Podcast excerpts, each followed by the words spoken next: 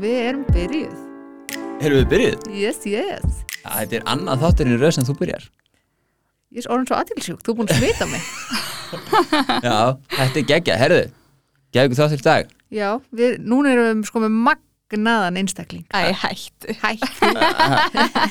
Herðu, í þátturinn er komin. Já, ég að kynna mig. Já. Já, ég heiti Saga Nazari. Um, Nazari? Nazari. Segir maður það sérst svona. Nei, Nazari. ok, ok. Uh, og þú ert alkoholisti? já, heldur byggður. Alkoholisti. Ok, og meira. Já, já. Og meira. Og auðvitað margt fleira, sko. Ef þú veist, það fór að kikka inn svona eftir að maður fór að viðkjanna að maður væri að díla við þetta vandamál. Ok. Þá fór allt í nú alls konar að bætast inn í, inn í dæmið. En ég er samt ótrúlega spennt að vera komin og Ok. og það er mikil heiðir að, að vera búin í þetta ég bara, þú veist, þú var alveg að segja bara, þetta er svo mikið fyrirmynd, ég held að koma ég bara, aaaah Mér, fannst, svo fyndi að hún hafi verið svona upp með sér. Að, Já. Henni hafi hann. þetta heiður. Já, mér fannst það mjög skemmtilegt. mér finnst það svo gaman Já. En, en þú veist, ég verð nú að segja, það er nú ekki oft sem ég man eftir fólki og man eftir hérna uh, Ekki nöfnum. oft, aldrei. Já, ok. er gríðalega lélur í þessu.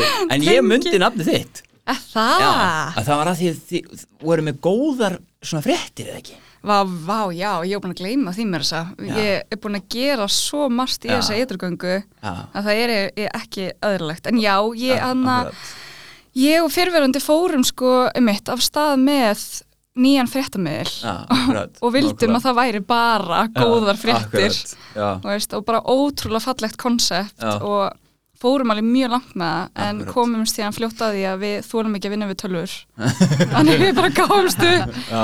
þannig við erum bara svona vonast til þess að einhver annars Já. taki við þessu veist. En hver, þú veist, ef við kannski bara fara aftur á byrjunna bara, þú veist, hver ertu, hvað ertu uppalinn, þú veist, what's your background? Já, einmitt, ég var svona forvitin, þú veist, hvað er verið að leggja áherslu á? Erum við bara að fara út í bara æfisöguna? Já, Já, ok. eiginlega. Já, ok. Með svona ívafi af þínu upplifun, tilfinningum, áföllum og bara hvernig á... Childhood trauma. Já, tilfinningar svona djúsi, já, svona djúsi dæmi. Já, Með smá tilfinningarungi svona inn á milli. já. Já, ég fíla það sko, ég, hérna, mér finnst það, ég segi að þetta sé djúsi stöf, út í, mér finnst það ógslag gaman að tala um áföll og hvernig manneskjan virkar og hvernig áföll hefur áhrif á fólk, mér finnst þetta svo merkilegt. Mm. að bara einlega svona mér er svo gaman hvað, þú veist, allt hegðunarmynstur hjá fólki gott eða slæmt, einhvern veginn á sér alltaf rætur í æsku. Mm. þú veist, bara hvernig maður er í vörn, hvernig maður dæmir fólk, af hverju maður dæmir fólk, af Mm. maður triggerast í einhverjum ákveðnum aðstæðum, þú veist, það er alltaf hægt að finna reytur í æskuna. Já, já. Það er bara svona, já, liggum við, þú veist, af hverju þóru ekki að senda matinn aftur út í, ég er hrættum á þjó, þjóttninu og eftir að hafna mér, af hverju út í, mamma mín hafnaði mér æsku, skilur við, þetta er ógeðslega skemmtilegt, sko, en ok, þú veist, er ég bara, á ég að byrja að dæmba mér út í bara, veist, Já, bara, Hva- hva, hvaðan ertu, hvað, hvað ertu Ok. uppalega, hvað, veist, hvað Ok. skóla fórst í? já, og- bara eitthvað svona klassíst Já, til að byrja með. Já, svona basic bara. Já, ok, ég hérna, um, ég fættist í Nóri, merkilegt. Ok. Um, Föðurætti mín er öll múslimar, Ok, um, mamma mín er samt íslensk og flutti hingað þegar ég var fimm ára um, og hérna, og ef við förum aðeins í djúsistöfið, sko, þá hérna, þá voru fyrstu ári mín rosa mikið þannig að hérna, ég og mamma vorum flakka mellir kvennatkvara um, út af því að þú veist, pappi beitti henni alveg rosalega miklu ofbeldi. Þú veist, hún var bara 17, hann var miklu eldri en hún. Og þetta var alveg svona bíómyndasena þar sem að hún flýr frá honum og var alveg búin að plana það í marga mánuði hægt og rólega var að senda dótið sitt heim og því hann var bara beitinni sjúk og ofbeldi þú veist, skipti aldrei á bleið á mér eða neitt. Og, hérna, og síðan einn daginn þegar hann fyrir vinnuna þá bara var vinkonar mætt fyrir utan hún setti restan af dótinu í svarta ruslaboka tók mig og bara flög heim. Ok. en pappi náttúrulega hann fekk bara áfall þegar hann kom heim og ólögulegt að fara síðan bara til Íslands þannig hún þurfti að koma tilbaka. Og fyrst þrjú árin mín fóru bara svolítið í það þess sem ég mann eftir uh, já upp á kannski fimm ára aldur samt það sem að mamma var bara berjast um fullt forðað yfir mér og það Já. var rosa chaotic Úti í Noregi. já, úti Já. í Nóri en þannig er hún bara ein, tvítug með badn um, og þú veist, fyrsta ástinnanar var svona, þannig að þetta var þú veist, hann var alltaf svona að finna okkur og þú veist, þannig ég var vittni af, þú veist, alls konar ofbeldi, veist, hann gagvart henni og og hérna þannig svona já, maður held ég aftengdist raunveruleikunum rosa snemma skilur, og ég held að það séu svona alls konar sem maður man ekki svona eftir þú veist. Klálega. og, og mér finnst þið mitt sko merkilegt að að hérna að ég hef ennþá ekki mitt kynst alkoholista sem er ekki með tráma í æsku þó svo sé ekki enn svona ábyrnandi tráma getur bara tilfinningarlega vannræksla sem er alls ekki jafn ábyrrandi og en, en í mínu tilfelli var það frekar svona augljóst og dramatíst um, þú veist það var rosa mikið um andlegt ofbeldi okay. og hérna og mamma mín náttúrulega var þarna að verða fyrir svo sjúku andlegu og líkamlega ofbeldi og kynferðslegu frá pappa mínum sem hérna verður til þess að hún er uppfull af unresolved trauma sem verður til þess að það bitnar á mér, þú veist, auðvitað vaknar hún ekki og er bara, vá, í dag ætla ég bara að vera vestamóður í heimi, skilur Nei. heldur er hún bara ótrúlega ung, veit ekkert hvað hún er að gera og er bara, þú veist, með PTSD á háustíi og það bara svona hellist yfir á mig. Og ég mjög ung upplifi mig svolítið verða sálfræðingurinn hennar og hérna og verð bara fyrir, þú veist, alls konar ofbeldi bæðið í rauninni frá mömmu og frá pappa þannig að þetta er svona ég upplifir rosa mikið að ég, ég væri veist, ekki örugneinstæðar veist, og náttúrulega þegar maður er krakki og fóreldrar manns er bara þú veist, stærsta fyrirbæri í lífinu. Það er bara þau vita allt best, kunna allt best og þú veist, þau eru bara heimurinn manns. Þannig að þegar heimurinn manns veist, veitir mann eitthvað skona skilabóðum maður sé ekki nóg, þá bara þú veist, hrinjar þessi heimur. Þannig ég uppliði svo ung að að hérna ég væri ekki örugneins þar veist, og hérna og var alltaf rosalega desperate í að finna að leita af einhvern stað sem ég tilheyriði og þá öryggi. Og fá öryggi, akkurat veist. en og svo heldur maður að maður getur fundið öryggi félagskap en ef maður lærir í æsku og ofbeldi rást þá væntanlega fer maður að sækjast út í það sem maður þekkir.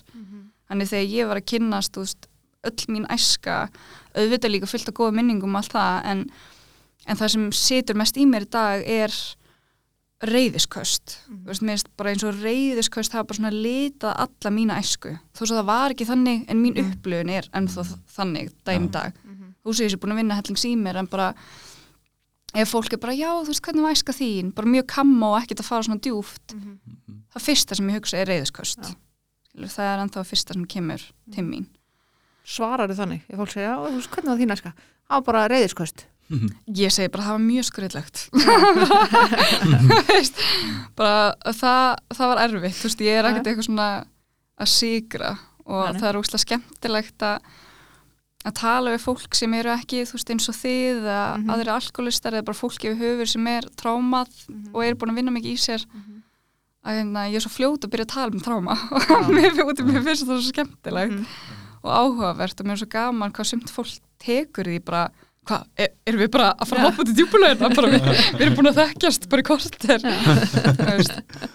en mér finnst þetta að vera vera svona krúsalurinni bylgja fyrir komandi líka kynnslóðir alkoholisti eða ekki að, að tengjast. Og til þess að tengjast þarf maður að vera svolítið berskjaldaður og vera tilbúin til þess.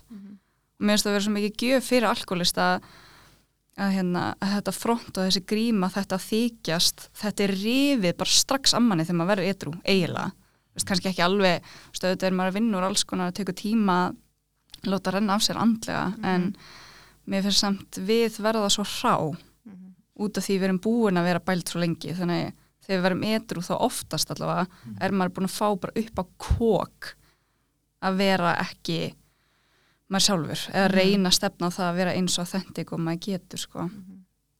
Hvernig, veist, hvernig er veist, ég get ekki mér finnst, ég finn svo mikla samkend að alast upp við svona aðstæður og að að, að taka ótta og óöryggi með sér sem faranesti úr uppeldi eða þú veist upp úr Já, uppvakstar árum hvernig, veist, hvernig hefur þetta áhrif á þau þegar verður úlingur þú veist, hvernig Jesus Christ. Það hlýtur að sækja í bara svona all the wrong places eða ekki? Jú, jú, þú veist. Og áhættu hefðun og eitthvað svona? Já, líka og ég svona mm, bæði bæði var ég að sækjast í fólk með reyðisvandamál Mhm. út af því mér fannst ég hafa svo mikinn skilning og, og geta sínt svo mikla samkenn þar en, en ég var líka rosa stórt hjarta mm veist, ég, út af því að sömur sem kannski alst upp þessar aðstæður fara rosa reyð út í lífið eða oft andstæðan Já. Vist, ég fer bara með ristótt opi hjarta út í ég ætla sko að vera andstæðan við það sem ég uppliði og mér langar að vera til staðar fyrir fólk sem er í þessara vanlíðan.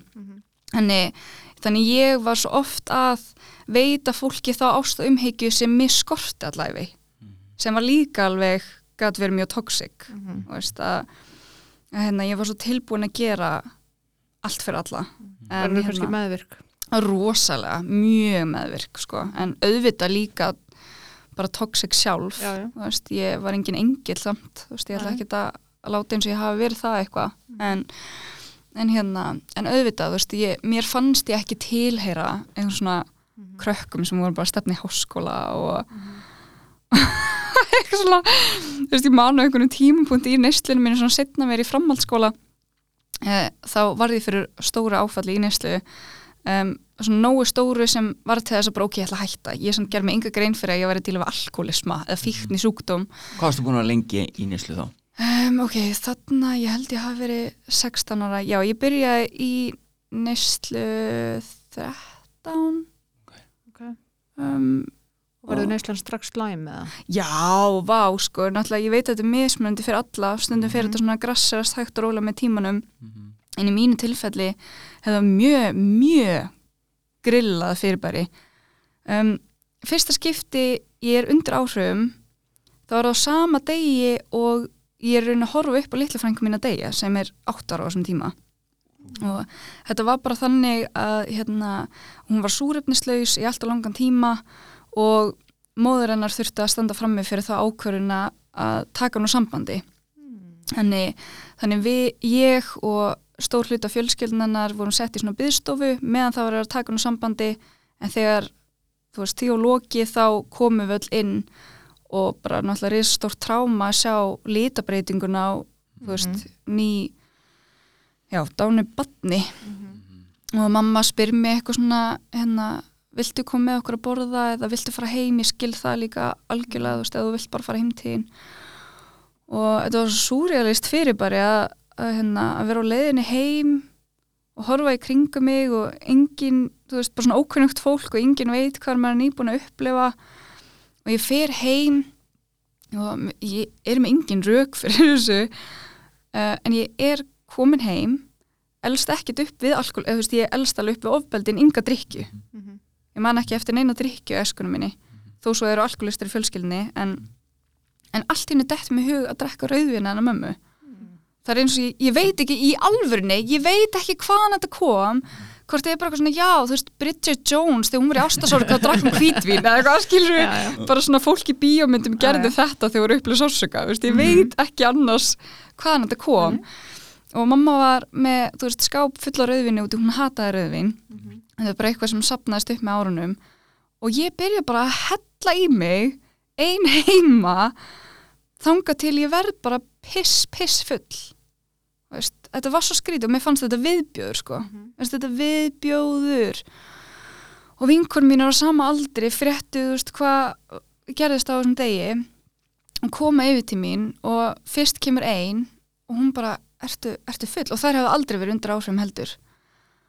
Og ég var bara eitthvað, var bara hlæjandi á raskatinu nýbúin að vera vitni af þessu tráma mm -hmm. þetta er svo skrítið. Það var strax bara allir sársökin farin. Mhm. og ég er strax komin í bara eitthvað svona batna fyllir í, ég veit ekki einu sinni. Um, og þú veist þetta var, skólinn var nýbúin þannig sumarið var að hefjast og hinar tvær vinkunum komu líka og þetta endaði með því að við vorum bara alla blekar og mamma kemur heim og hún er einhvern veginn nýbúin að gangi gegnum sársöka sjálf og ég held að einhverju leiti sáur mig og bara ok, henni líður bara vel veist, hún alltaf var ekkert eitthvað, ó þetta er vandamál veist, hún er ekki Nei. alkoholist sjálf, hún skildi Mhm. ekki hún bara æði, þú veist, hún, hún má þetta bara Já. og, og allt þetta sumar var bara ég að drekka landa fimm daga vikunar það byrjaði Já. strax bara ok, út af því ég held að það sem ég upplifði þarna var mín fyrstu kynni af því að vera undir áhrifum var lausn við áföllu vanlegan já, það var ekki eitthvað svona til þess að skemmta mér þó svo ég skemmti mér konunglega.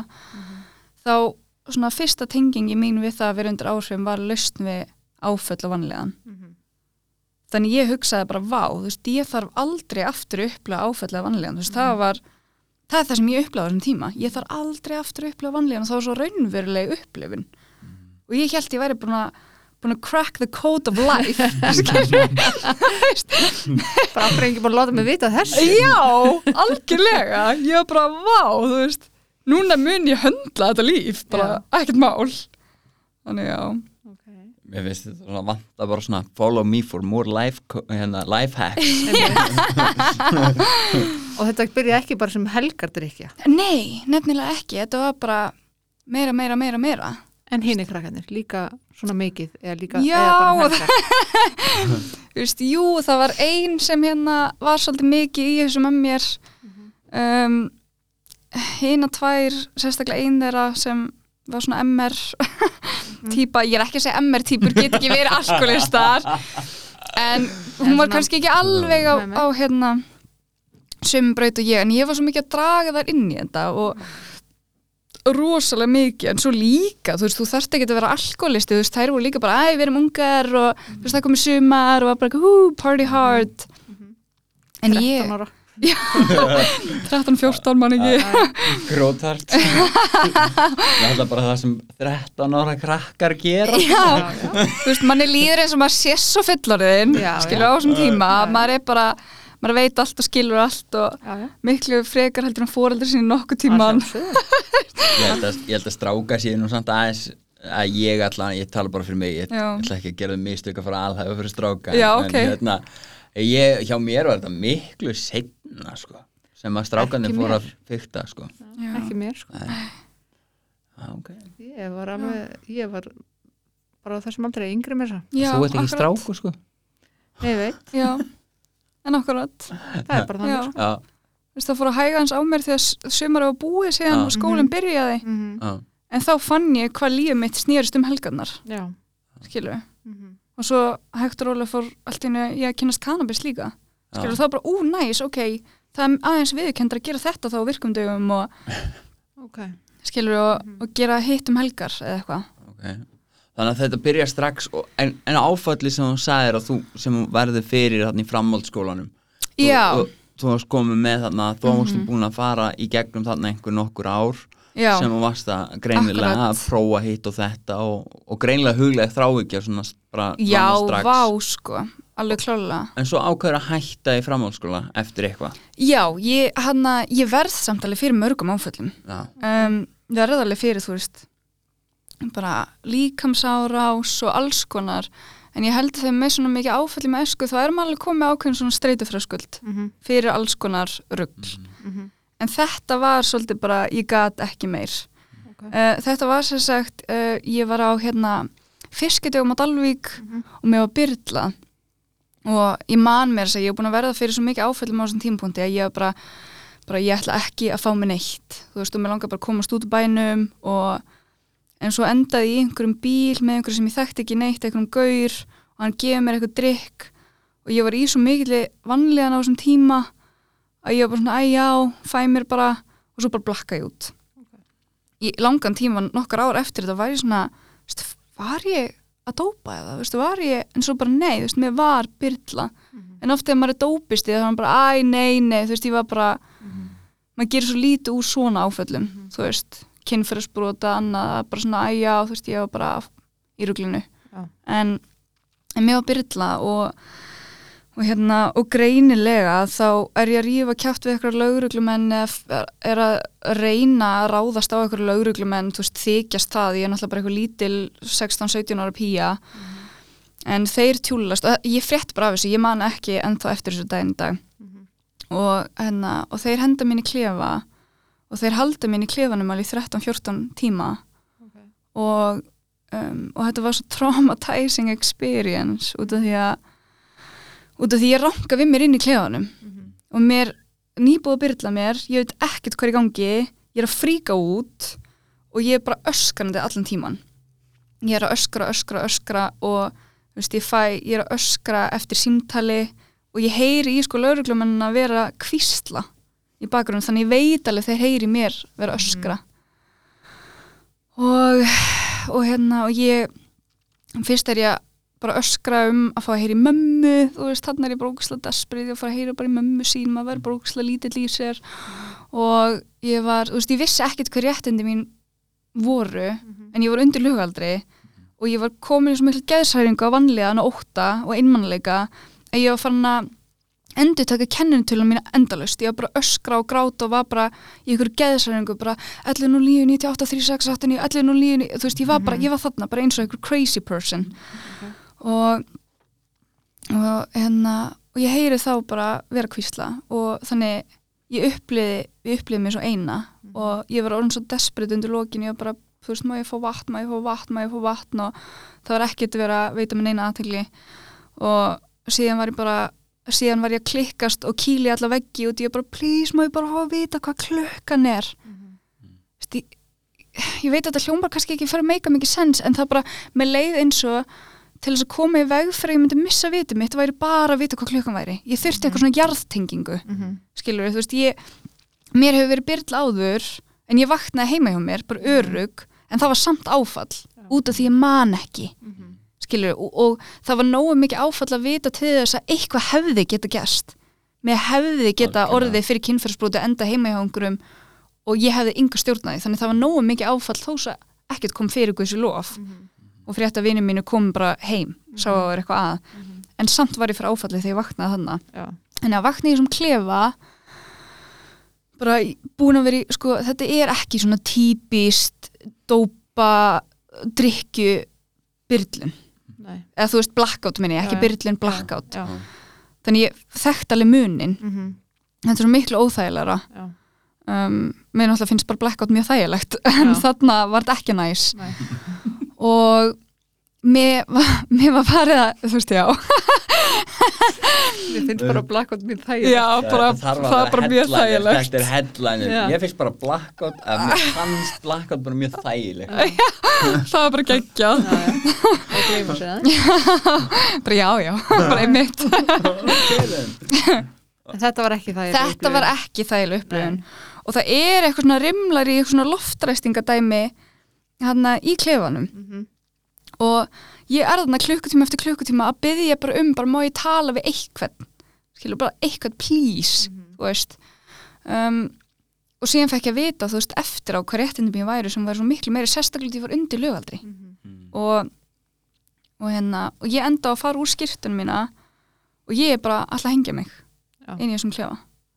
Ég var í svo mikill vanlegan ég gat ekki meir, mér raunverulega leið eins og ég væri að fara að missa vitið mitt endanlega. Þú veist, þessi einangrun þó svo þetta voru bara þetta margir klukktímar, ég get ekki ímynda mér hvað fangar þurfa að ganga gegnum sem eru bara hendir einangrun í miklu lengri tíma en þetta. En mér leið bara eins og ég væri bókstálega, einlega, fyllilega að fara að missa vitið mitt. Mhm. og mér leið svo ein í heiminum. Og þannig ég geri það bara. Veist, ég hengi með hana. Og besta tilfinningi heimi. Var mjög sátt með þessa ákvörðun og ég finna alveg, ég bara er að blakka út og ég er raunverulega, ég upplifi bara að sáli mín er að svífa Mhm. upp og allt innu skiptir yngum máli Mhm. og ég fann bara ég var að fara að fara og þetta var ótrúlega ég man eins og þetta hafi gæst í gær því að þetta, þú veist ég ætla ekki að ljúga þetta var besta tilfinning í heimi Mhm. það bara að toppa allt dóp sem til er en það var líka út af því að það er ekki það ég vildi deyja Mhm. Mér langar bara að hætta að líða svona illa Mhm. sem er oftast tilfellið hjá fólki. Mhm. og svo droppa ég niður og það er skilt hann gæti ekki halda á mig lengur. Ég er bara svona plúm, bara beint á jörðina. En mér leið líka eins amma mín væri þarna. Það var útrúlega einlega upplifun líka. Mér leið eins amma mín var þarna og mér leið eins og félagi mín var þarna og hann sem var nýlega búin að deyja mitt af veldum fíknisjúkdóms. Og mér leiði eins og hún hafði bara eitthvað nei, eitthvað, bara svona köttað af skýrtunni og, og ég dett á jörðinu og ég er bara ofanda, bara gasping for breath og ég er bara þú veist, næ valla andanum og ég er bara, þú veist, bara gett spastísk á jörðinu að reyna að reyna að ná að anda aftur eðlilega og það tekur alveg smá stund að, að taka inn fyrsta andadráttin nei þá kemur fyrsta sinn lögregla og opnar hólfið eða eitthvað og segir bara eitthvað svona æjæ, ásti mín, viltu ekki bara reyna að sofa? Og þetta var svo mikil höfnun. Og því ég láði þarna áfram en þá að bara þú veist þú veist já, að ofanda. Og síðan blakka ég aftur út. Og, en held, ég mana ég er anþá að endur taka kennitölunum mína. Aftur og aftur og aftur og aftur og aftur. Og já og svo ranka ég við mér á einhverjum tímapunkti og ég heyri í þá vera að tala um mömmu mín í símanum. Og ég er að öskra eftir mömmu. Ég bara í heilu að tala um mömmu. Ég bara please ég tala við má ég tala við má ég tala við hana? Og ég bara, ég er að öskra, öskra, öskra og banka og banka og ég bara, þú veist, ég kom með marbletti á mig daginn eftir sko, út af því ég var að kýla svo fast í veggina til að reyna að fá aðtegli og því mér langaði bara að heyri mömmu sín skilur já, já. þú veist, við erum búin að vera með mjög erfitt samband í allir minn nýslu, en þarna var ég bara "Ö, mamma, þú veist en ég fæ það ekki og ég man bara, ég, þú veist, bara aftur og ég rótast á gólfinu. Og svo allt í henni rankaði við mér í bílum hennar mömmu. Ég man ekkert hvað gerist þarna á milli. Og ég ranka bara allt í henni við mig í bílum hennar mömmu og þetta var ógislega skrít, skrítin upplifun. Og hún segir við mig setna meir að þegar hún sótti mig Mm. það er eins og ég þekkt hann ekki. Og það er eins og ég hafa bara verið í hugrófi eða eitthvað. Hún segir að ég var að mantra kennitölum mína þegar hún sótti mig. Ég var að rugga mig fram og tilbaka bláið drú, var að rugga mig fram og tilbaka bara 11.09.98.36.89 11.09.98.36.89 bara, bara crazy. Já. þú veist. Og þetta var þau til þess að, þú ákveður að hætta. Mm ég bara hvað duði það lengi? mánur Já. mánur var það svona þá, þú veist, þú fegst enga hjálp þú bara hættir og bara Já, þú þú veist, ég var bara svo traumatist eftir þetta. Ég þurfti Já. að sofa uppi á mömmu í allan að mánuð, var alltaf að vakna með martræður upp úr hérna, leiðin sem ég væri í sem fangaklefa aftur. Síðan var ég ekki einu svona skráð í klefanum og ég vissi ekki átti rétt á fulltrúa og m- máltíð og þá Nei. vita hvernig þetta allt færi fram. Veist, ég er ekki að reyna að træðast taka lögguna. Ég þekki Nei. sjálf, veist, manni lögguna sem er bara með stærsta hjarti í heimi. En bara akkurat þarna var alveg feitt brota á mér og henni ég bara svona upplifa algjörst öryggisleysi og bara vá, þú veist, ég vil ekki eins og koma mér í aðstæður þar sem fólk er að fá sér.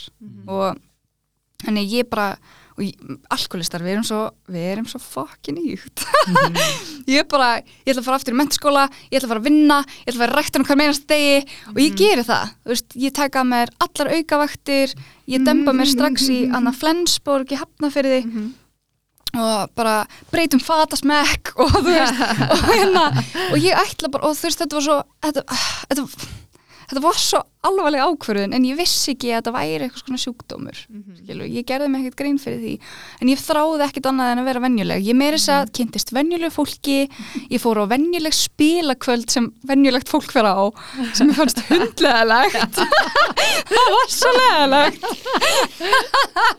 en ég gerði það samt og létur sem ég fannst það svo spennandi. Eins og venjulegt fólk Já. gerir sko.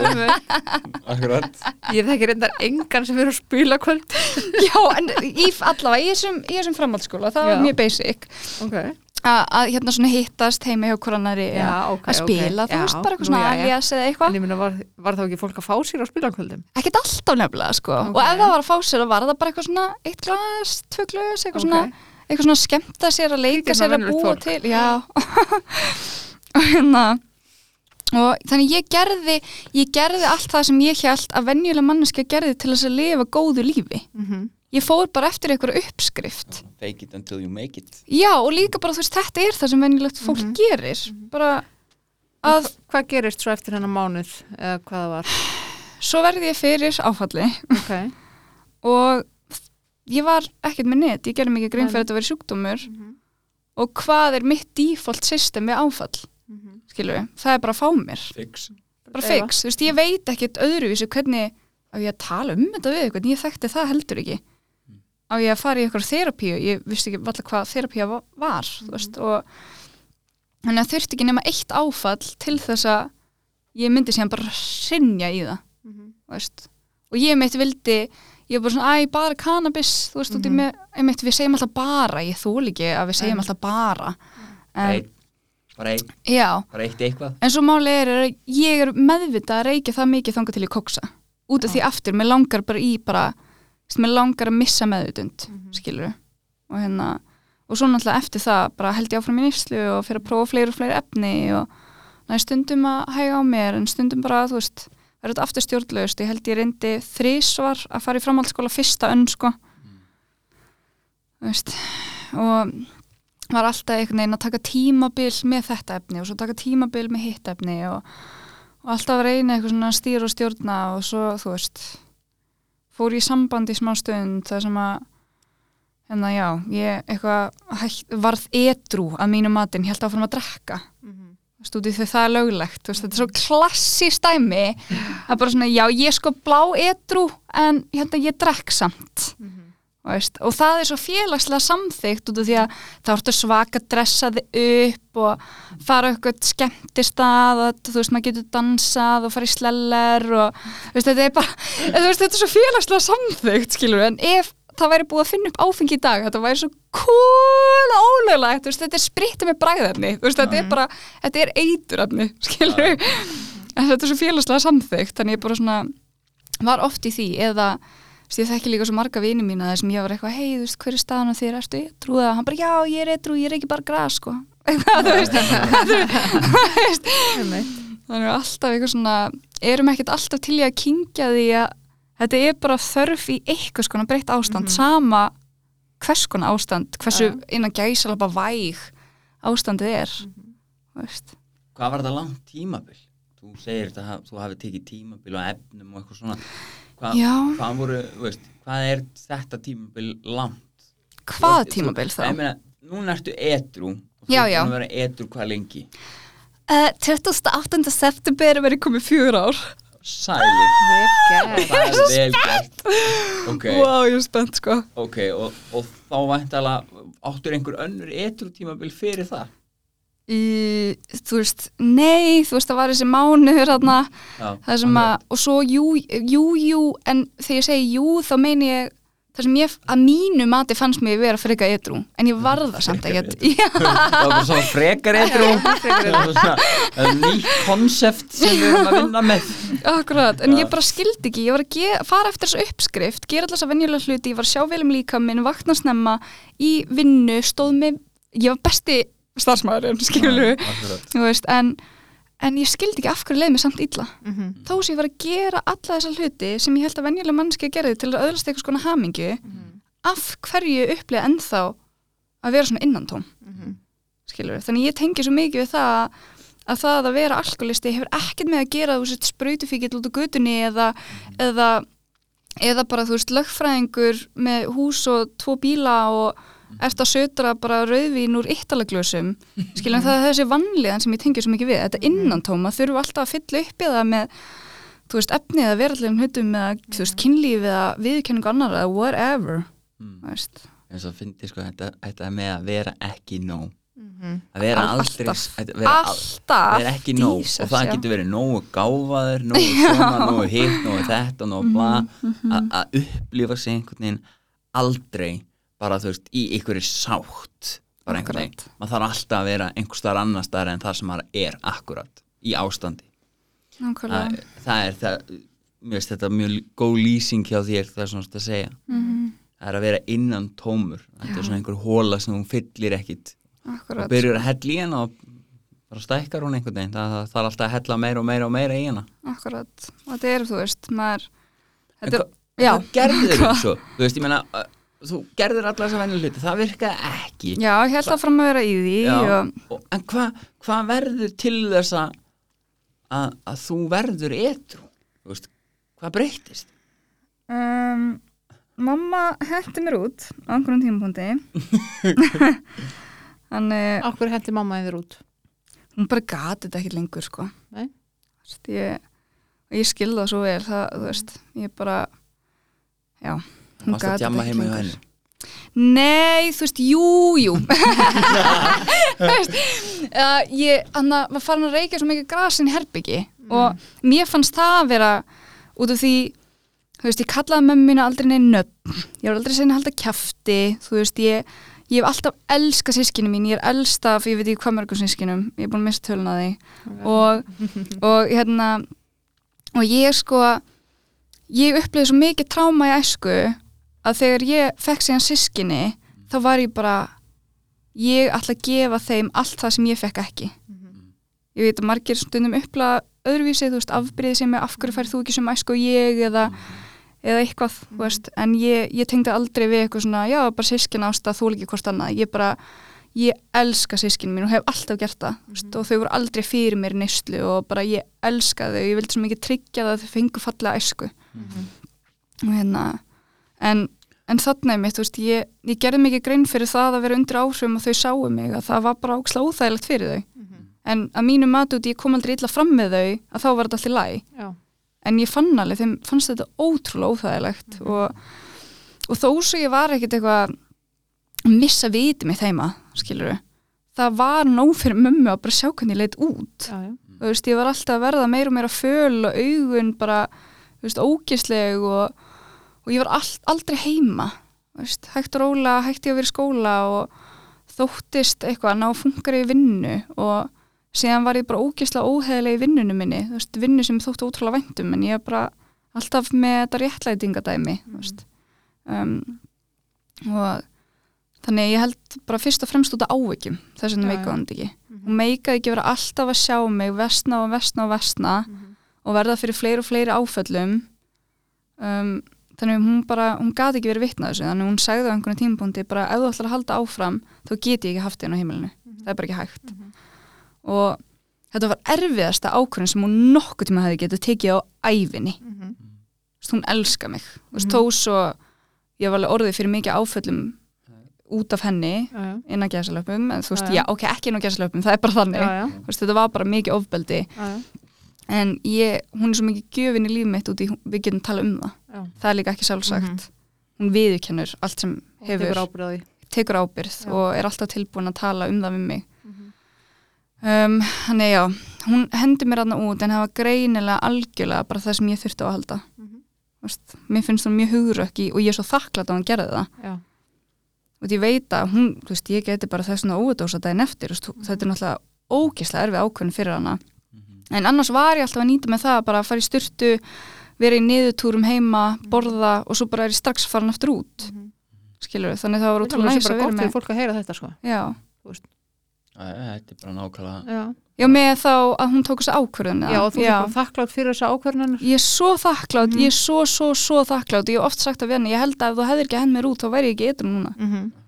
skilur en, en ok, þú, þú ert þá situr bara uppi með það að það er búið að henda þér út og hvað Mhm. gerur þú veist, hvað, veist hvernig, hvernig allt í einu er stórðin eitru fórst í meðferð eða veist, hvað líður langur tími? Hvað, veist, hvað? Um, ég veit ekki að það var veist, tí, tíma skinni hjá manni er svo súrt sko en þetta var að tók við innan tólmáni ekki Alveg. lengra en það sem er líka magnað.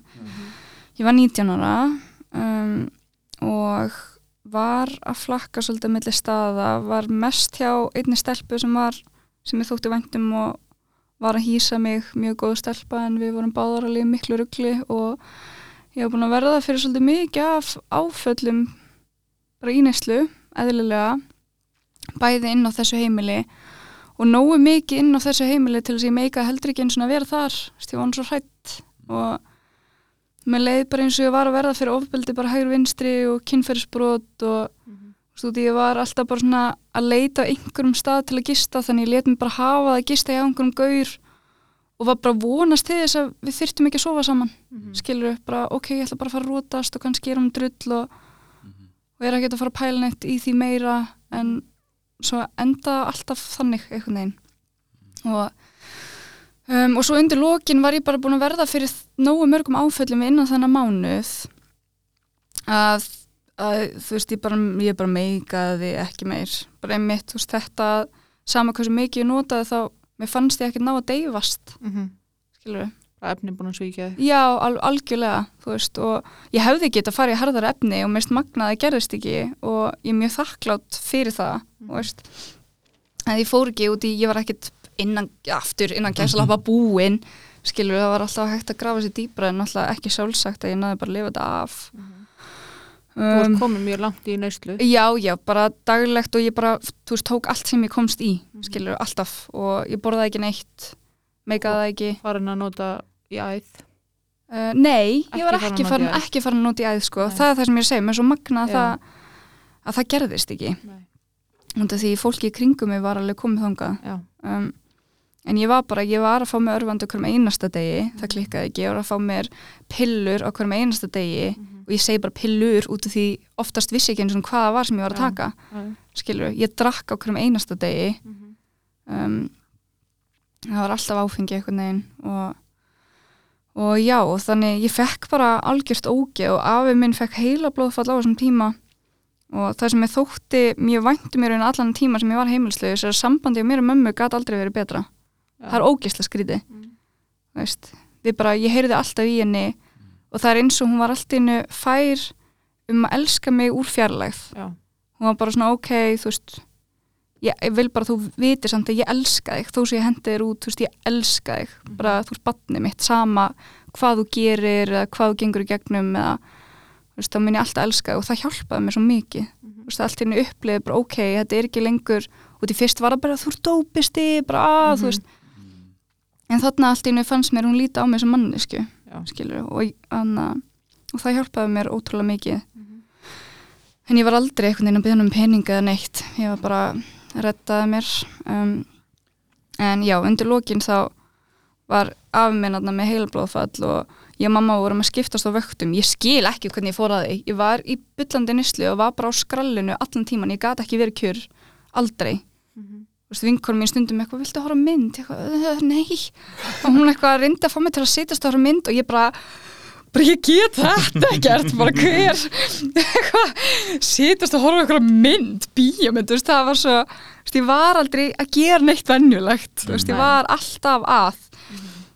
Þannig, ég sagði mömmu að ég geti tekið nætuvaktinnar og oft komið miklu, mik marga klukktíma setna en ég ætlaði mér en ég þurfti að fokka mér nógu mikið upp til þess að höndla þessa aðstæður Mhm. og því aftur í mínu vöð, vöðuminni er efni sama sem kom í veg fyrir áföll af vanlíðan Mhm. og svo mikið vanlíðan að sjá hann að vera að deyja í líflokna meðferð Mhm. Þannig ég þurfti að tryggja að ég var búin að og stundum var ég mætt fyrir utan spítala eh, í bíl með félaga mínum og ég bara nei, nei, nei, ég er ekki búin að fokka mér nóg mikið upp fyrir þetta, ég get þetta ekki. En svo náði ég ofta að koma langa inn og, og þetta var mjög fallegt að á einhvern tímpundi á kvistlaði ég. Stofan búin að missa allar heifi getur gæti ekki talað. Og á einhvern tímpundi þá hérna kvistlaði er hún ánum bara þú ert ekki að hafa ágjör á dóttiðinni sem hann mömmu, ég lofi ég ætla að vera eitrú Mhm. því mamma er alltaf bara búin að orðin gráhærð af áhyggjum. Mhm. um, og hann kreisti hendina mína. Samt er hann búin að missa Æi. allar heifi getu en hann kreisti hendina mína þarna. Og ég var svo meir og það var svo fallegt að finna fyrir svona einlega tilfinningu. Mhm. ekki bara, þú veist, geðsræfingar og reyði og, og paranói heldur þarna upplifið bara ást Mhm. og sorg veist, en þetta var svo einlegar tilfinningar. Og hérna en ég byrja eitthvað að koma allt í einu man ég bara, já, aðfundir eru til. Og því ég, var bú, ég prófaði að fara aðfundir á 17 ára sko. Ok, um, og hérna vissi ekkert af hverju ég var að prófa að fara aðfund ég bara vann á skemmtistað og eigandinn var aðamaður og hann var bara eitthvað já, eitthvað, ég held að þetta alkoholisti það heldur það bara viltu prófa að fara og, og eitthvað og ég, þangað og, ég- og ég er allan tíman inn í samtökin og held að ég sé edru en, ekki, en ég drekk áfengi. Mhm. og ég er sannfærð og ég meir þess að þú veist, fer í sporin skilur en ég er mjög opinn með það. Ég er bara, já, þú veist, ég bara ég bara drekk svona hér og þar um helgar en þau bara, já, en þú þarft að vera alveg edru til að fara gegn sporin og hei, já, má ég alveg tala um aðsamtökin hérna Vó, ég fór eftir að hugsa um það. Já, ég meina, þú veist, fólk bara, þú ert ekkit í fósvari fyrir samtökin eða ert, Já, ert ekki, einmitt. þú veist, Þú um mátt tala um. alveg tala um allt sem þú vilt, sko, en ég meina, Já, það, ok. það er samt, sko, þú ert ekki í fósvari fyrir samtökin. Já, kannski gott að taka það líka fram. Já, út af því náttúrulega mann er kent að þú veist, maður er ekkert að fara með tólsporsamtök og svona í fjölmiðla nei, nei, út í ég kannski upplýsa samtök alltaf öðruvísi heldur en einhver annars veist, þannig ég vil bara Akkurat. taka það fram víst þetta það var svo mikið ríflex að tala um þetta tala um samtökina og svo stór partur af lífinu manns. Já, já, en ég mynd kannski taka það fram að ég er ekki eitthvað representative nei, nei, fyrir þessi samtök Algjörlega. þannig alls, kannski taka það í minnstu kosti alveg skýrt fram. Já, um, en já ég er bara allt innu kveikt á perunni. En hérna en já, en þá var ég samt, þú veist, að fixa mig á neysla höfðun og í kringu félskap sem var nota en, og var hjælt áfram að vinna á sem skemmtist en þá var ég líka bara að drekka 50 orkudrykju á einni vakt, skilur bara, ég er bara edru eitthvað, þú veist geðvikt að reyna að vera vennileg um, hvernig gekk? Vá, ekki vel ekki vel, ég var bara að býða eftir að kærastum mér myndi að hætta með mér þannig að ég gæti fara og fengið mér. Og, og hérna, þannig ég náði að vera edru alveg edru held ég í mánuð. Þetta var svo erfitt, þetta var svo glatað en, ég var, en það var samt eitthvað við aðsamtökin sem var alltaf að draga mig tilbaka það var eitthvað svona gleði í fólki sem ég var bara ok, what? Bara þessu liði. Já, en ég var, ég, það er ekki sens að ég ætla að hætta að vinna á skemmtist það er ekki sens að ég ætla að, þú veist, hætta að hitta vini mína, út í ég meina vini mann sem nýslega bara ride and die, skilur það er bara I would do anything for them, og skilur og þeim myndi gera allt fyrir mig og þú veist, jújú, jú, það var alveg þannig, ef maður kemur úr brotnum fjölskyldum, þá verði vini manns bara allt. Og en svo náttúrulega styrlast neyslan og styrlast fólki og allir fara að svíka hvort annað þú sem maður ætla sér það ekki. Mhm. en, en hérna en já, ég man sko fyrsta skipti sem ég dætt í það þegar ég þarna edru bara í korter í í aðsamleikin fyrsta skipti 17 ára uh, loksins hætti kærist með mér, ég bara yes eitthvað, dettum í það.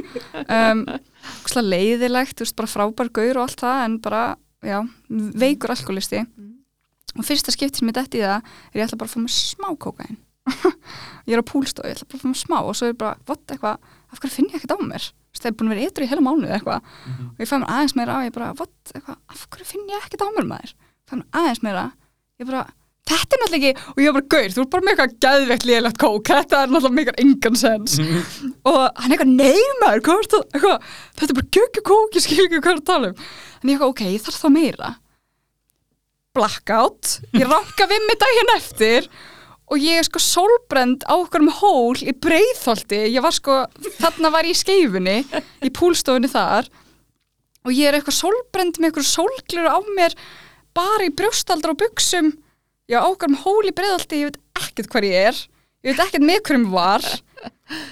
Og þú veist, og ég er ekki eins og í skóm.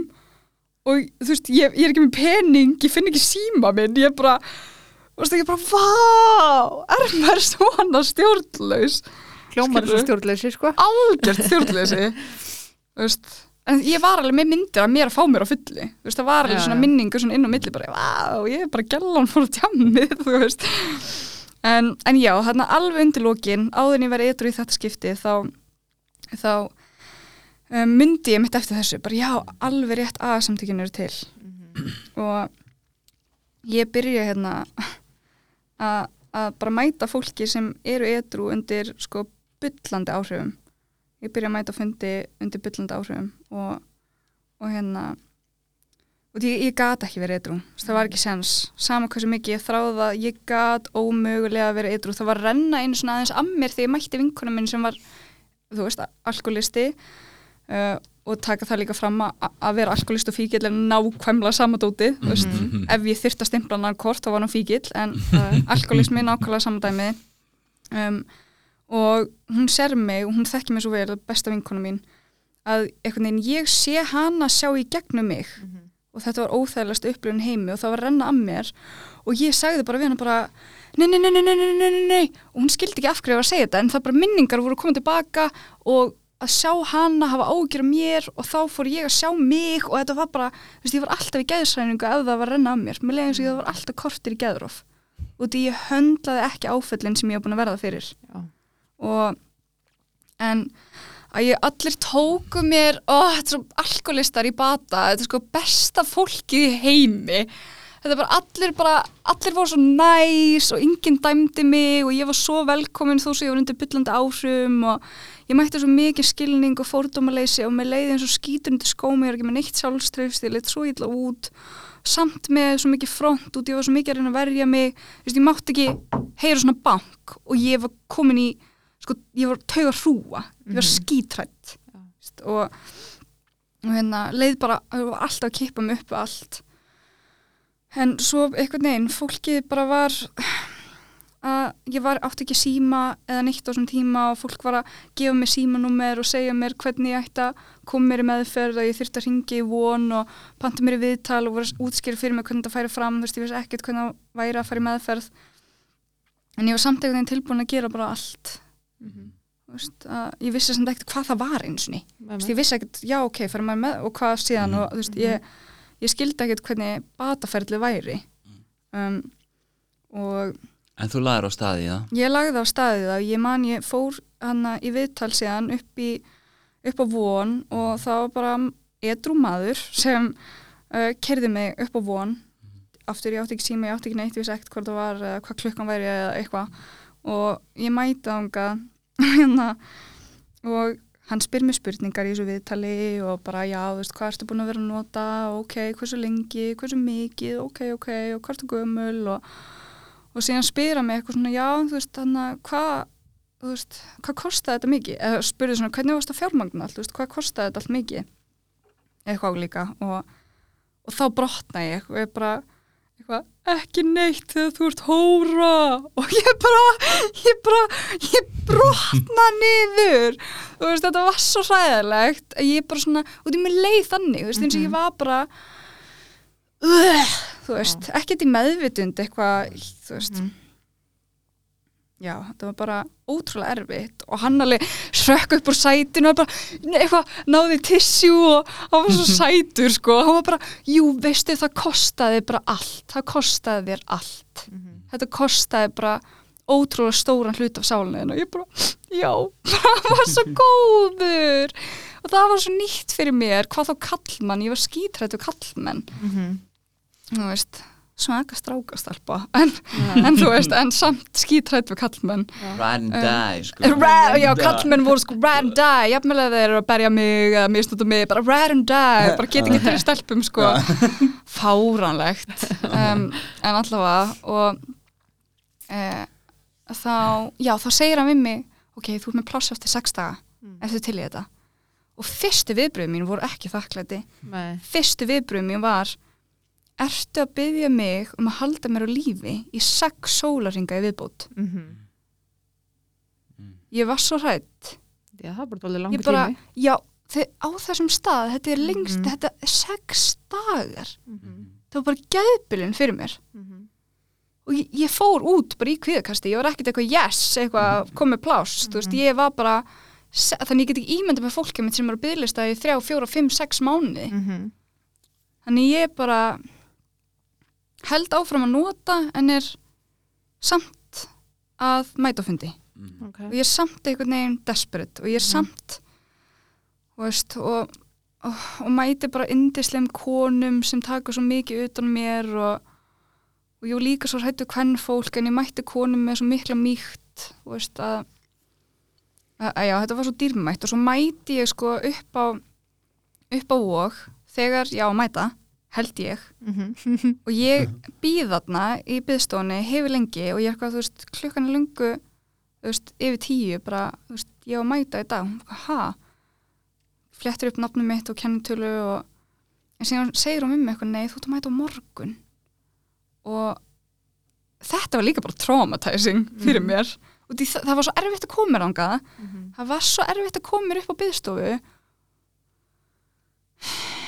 en ég ok. Ringi vinkonu mína. Eða, fæ síman hann að ringi vinkonu mína og ég bara, eitthvað, þú ert að koma að sækja mig. Hún kemur það er bara þögn út í bíl. Hún alveg, hvað, veist, hvað hvað viltu gera? og ég bara, fokka mér upp. Ég vil bara ég vil bara, bara detta í það, ég ég get þetta ekkert Mhm.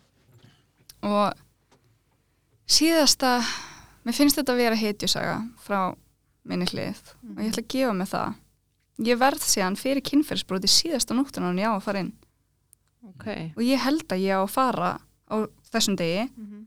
og síðasta nóttin, veist það er alveg svona come on fyrirbæri Mhm. þurfti síðasta nóttin að vera svona og þetta var virkilega bara versta kynferðsbrót sem ég upplegaði að hinga til.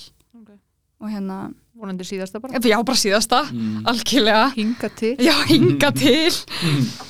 En náttúrulega sorglegt hvað þetta er algengt.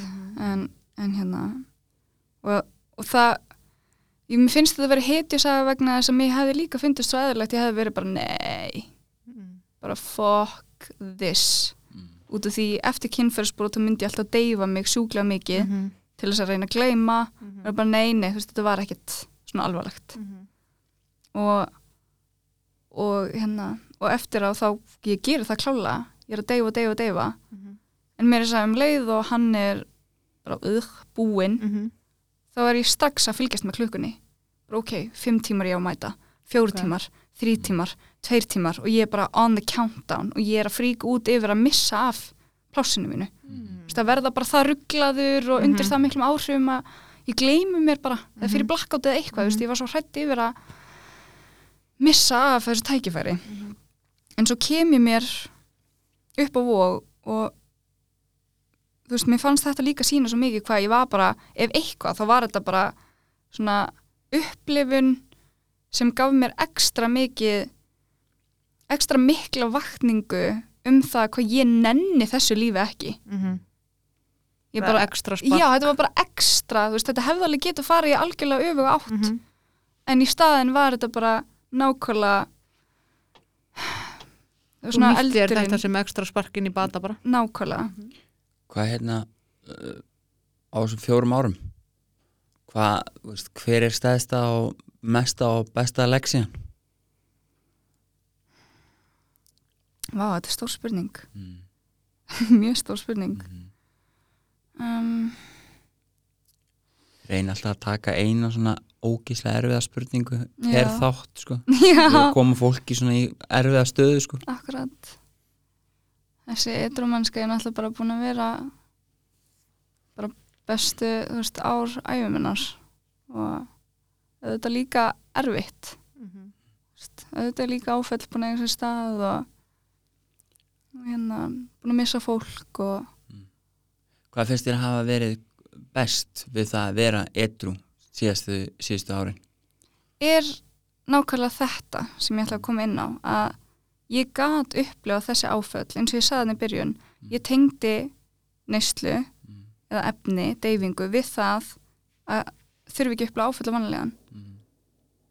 en það sem ég fannst svo fallegt við þessa edugöngu er að ég hef upplifað fullt áföllum þú veist að fara bara geði deild út alls konar vanlegan en ég þurfti ekki að deyfa mig Mhm. það er svo dýrmætt Mhm. það er örgulega mín fallegastu gjöf sem ég fengi Mm. og ég veit það bara núna ég hef eitthvað neginn ekki áhyggjur mm. það er ekki ef í mér, ég get tekist á við hvaða áfatt sem er Mhm. og ég er ekki að fara að detti í það Mhm. veist, og Þarf það bara ekki ég bara þarf það ekki ég bara veit að ég get upplegað sásöka án þess að þurfa að fá mér Mhm. og, og ég bara, mér finnst að vera svo mikil gjöf að hafa upplegað allt þetta tráma, ég geti spólið tilbaka og upplegað þetta allt aftur, ég myndi gera það bara þúsund sinnum yfir en Mhm. út af því að ég er búin að fá upplefa svo magna hluti í þessa eitthrugöngu Mhm. ég er búin að upplefa að maður geti allt og þegar maður er búin að upplefa alls konar svona tráma og mikið af fólki sem ég þekki er bara oft búin að óvitaðusa og endur på spítala og ég veit ekki hvað og hvað Mhm. um, og eiga bara ekki að vera á lífi þú veist. Um, að maður verður svo þakklátur Mhm. þú veist, maður verður svo þakklátur fyrir þessa litlu, litlu hluti. Ma, maður þarf ekki mikið. Ég þarf ekki ég þarf ekki bíl, ég þarf ekki hús ég þarf ekki ég þarf ekki fræðið eða vinseldir þú veist, ég er bara svo þakklátt fyrir kaffibóllan sem ég drekk. Mhm. skilji, ég er þakklátt fyrir að eiga fyrir mat.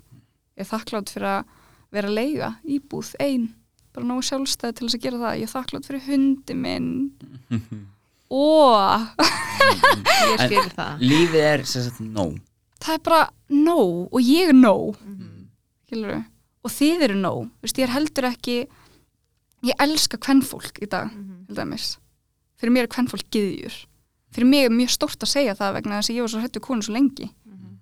í dag elska ég kvennfólk besta fyrirbærið á jörni klálega. Þú veist það er svo margt svona sem er búið að fá að heilast. Já. og, og ég er búin að gera svo margt. Ég er búin að ég, fyrst til að byrja með var ég, var ég á full í tónlist og ég fekk að fara með fyrirlestra um mína reynslisögu ég fekk að veist, spila á þeim forsendum að ég var að representa eitthvað skonar 19 ára edru píu sem er ekkert líka alltaf algengt endilega. Og, og svo fekk ég að fara í jógakennarnám og svo, einmitt, fekk ég að prófa að stopna fyrirtæki og með Já. góða fréttir. Síðan var ég útaskona heil lengi.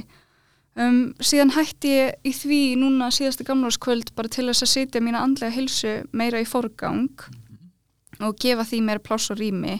Þannig núna er ég að vinna við um, eitthvað sem ég elska um, en ég ræð tímana mína þannig það er svo mikið frelsi til að setja andlega hilsu í forgang sem er gjöf. Uh, og núna er ég að vinna við það að heila.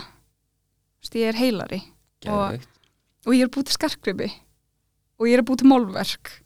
Skil ég hvert ég er að fara, ég get gert það sem ég vil ég er búin að gera allt þetta á fjórum árum. Það er geggjað. Geðveikt, sko. því ég er 22 ára 22 ára. Ég ætla bara svona að taka það fram að 22 og þá var ég að drekka í fyrsta skipti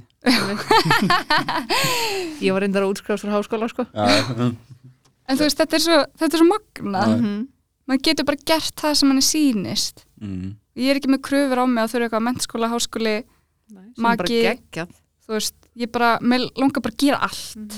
Bara njóta einn algjörlega, bara fá eins mikið af upplifunum og ég get. Og ég elska, núna er ég líka með tækifæra á að heila sál annara þú veist, að, að fá allavega að taka þátt í en alltaf ég, ber ekkit, þú veist, ég er ekkit engin eitthvað svaka hetja í lífi annara en, en ég fæ að halda space fyrir eitthvað annan. Eins og það búið að vera að halda space utanum mér, eins og ráðgjöfnir í meðferð og bara fólkið á áfangaheimilinu sem ég var á og allt. Ef þú geti farið tilbaka mm. um tíu ár og gefið sjálfrið þér ráðleikingu hvaða ráð myndir þú gefa þér? bara allt sem á eftir að gerast á að gerast. Ok. þú veist, jú, jú, þú áttir þetta ekki skilið. Þetta er ótrúlega töff, þetta er ótrúlega erfitt. En treysta því að mér er svo öll þessi áföll áttu að eiga sér stað. Ég er svo mikið þar í dag sko. Veist, bara eins og ég sagði þannig ef ég geti upplöðið allt aftur að myndi ég gera það. Hvert einasta ofbeldi hvert einasta sásauka, hvert einasta áfall hvert einastu mistök sem ég hef gert á hluti þú veist, gagvart öðrum. Ég myndi gera þetta aftur og aftur og aftur og aftur. Og það er að segja mikið. Þá ertu í sátt við þetta. Já og bara ég er svo miklu traust um að maður þetta átt að fara svona að þjóna einhverjum tilgangi risa tilgangi, öllu mínum tilgangi öllu sem ég er er búið að leiða upp að þessu mómenti þú veist hefði ég ekki kynst þessa mannski hefði ég ekki farið meðferð, hefði ég ekki farið meðferð þá hefði ég ekki farið á dyngjuna, hefði ég ekki farið á dyngjuna hefði ég ekki kynst þessum, þá hefði ég ekki farið tónlist þá hefði ég ekki farið þarna, þá hefði, hefði ég ekki farið tónlist hefði ég ekki orðið útáskona þetta er svo mikla tengingar, ég hefði ekki og síðan þegar ég er búin hér þá er bara, wow, ég stóð mig ekki vel, ég er bara eitthvað fyrir mig woo, skilur, það er næs það er svo gaman Það er frekar næs þú veist. Það er það eh, Ertu með einhverja fleiri spurningar fyrir hann dina? Á ég hendi mína eða? Eh, bara klárlega Alltaf hún- mín uppáhaldspurning sem ég spyr alltaf alla okay. uh, Hefur flutt fíkninegin yfir á eitthvað annað? Og að stefna- þetta er eitthvað djúsi spurning bara ég elsku þessa spurningu þetta er geggið spurning vá, ég fíla þessu spurningu og því það er svo vel hægt. Það bara gera flest allir. Já, já, alveg klála það er svo vel, vel hægt. Það meira þess að hægt að færa fíkninni yfir á hugleyslu, ótrúlegt en satt sko. maður getur alveg fixa sig á hugleyslu Maður getur orðið jókasjúklingur. Já, já, algjörlega, algjörlega. Bara það er svo andlegt. Þannig ég fer að, mér er þess að bara forðast að vera mennsk, ég er bara orðin eitthvað svona gúrú, skilur um, ég passa mér rosalega á því. Mm. ég reyna að vera eins mannleg og, og allt bara, og ég get veist, eins og ég er með svona síðu á Instagram þar sem að ég er að gera skarkreipuna og er heilari Mhm. og, hérna, og ég tala rosa mikið þar inn á. Og ég er bara, er bara að sletta og vera mennsk og maður þarf svo mikið að passa sig á þessu sko að ég meit að fíkninnar fara ekki yfir eitthvað annað. En auðvitað hefur alveg gert það. Ég, þú veist, fíknin hefur farið yfir að kaupa útrúlega mikið af fötum og veist, það hefur farið í það hefur líka alveg farið í, annað, í mat það hefur farið það hefur farið í viðkenningu annara Mhm. þú veist, eins og því ég fór í tónlist ég held að ég var að færa í tónlist og því mér fannst það svo geggjað. Mér fannst það. Þú veist, ég elska sem ég texta. Ég er, I'm not a songbird bara, þú veist, alls ekki, ég hef aldrei litið þannig á mig. Ég bara elska sem ég texta. Ok. þú veist, og og hérna, og með þess að strákurinn sem ég samdi lag með sem heitir Lómur að falla sem ég var bara svona tribute fyrir alkoholista. Hann til dæmis lést bara nokkur mánum setna eftir að við sömdum það.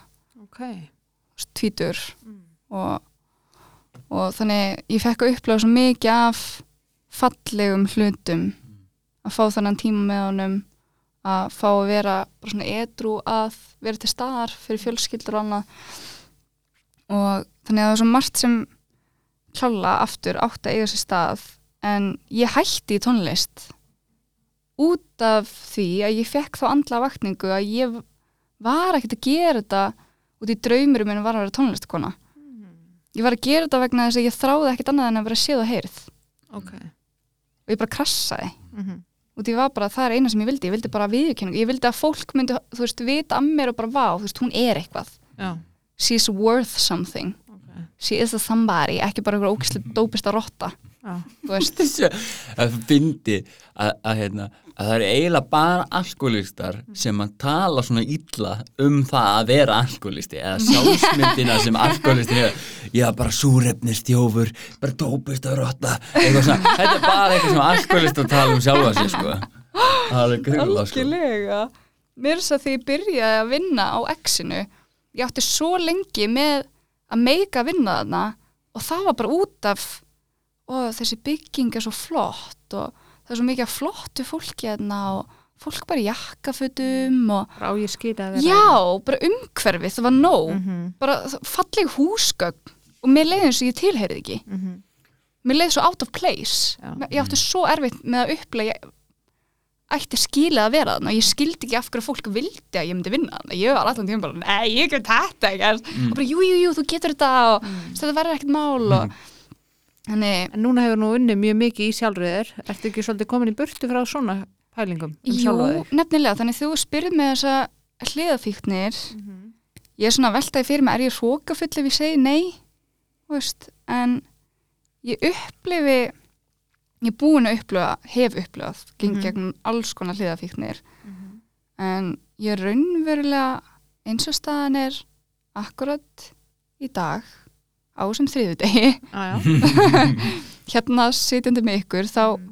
finnst mér ég ekki vera upplifa eitthvað hliðafíknir en svo getur það alveg brist eftir mánuð. Já, já, það getur breyst á er- morgun bara. Já, einmitt. Veist, en akkurat núna eins og er þá reyni ég að vanda mig að vera með jafnvægi á þessu öllu. Mhm. það er vinna. Já, og líka Já, já. að detta í að hjálpa. Mm. maður vill oft svo mikið bæta upp fyrir allt það sem maður er búin að vera eitthvað svona í rugglunu að maður fyrir endalust að þjónusta Mhm. veist. maður fyrir endalust að representa og endalust að fara í viðtölu eða fyrirlestra, endalust að ég að heila eða hjálpa öðrum alkoholistum að maður getur líka að fara óverdræf þar og glimt bara, já ok, ég er að fixa mig á að hjálpa öðrum. Mhm. svo er ég bara eitthvað í rugglinu þegar ég er einn heima skilur Mhm. algjörlega, veist, þannig líka að reyna að finna jafnvægi á því. Algjörlega, ég sammála því. Góða. Ég er, ég er í toppstandi ég held að þetta sé bara komið sko Alright ertu sátt eða? Já, ég er bara sátt, það er náttúrulega alveg hægt að tala um svona í fimm klukkutíma sko Já, já, en hérna spurning hvernig hann er að hlusta á það sko Já, Já.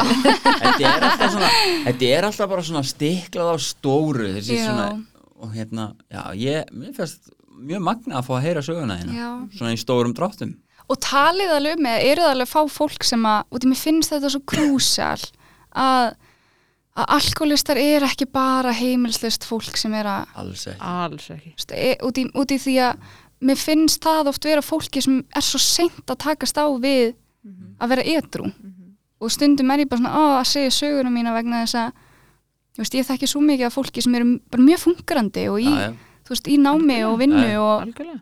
En- Vi, við tölum við alls konar. Ok, við reynum að vera með eins fjölbreytt og, og hægt er.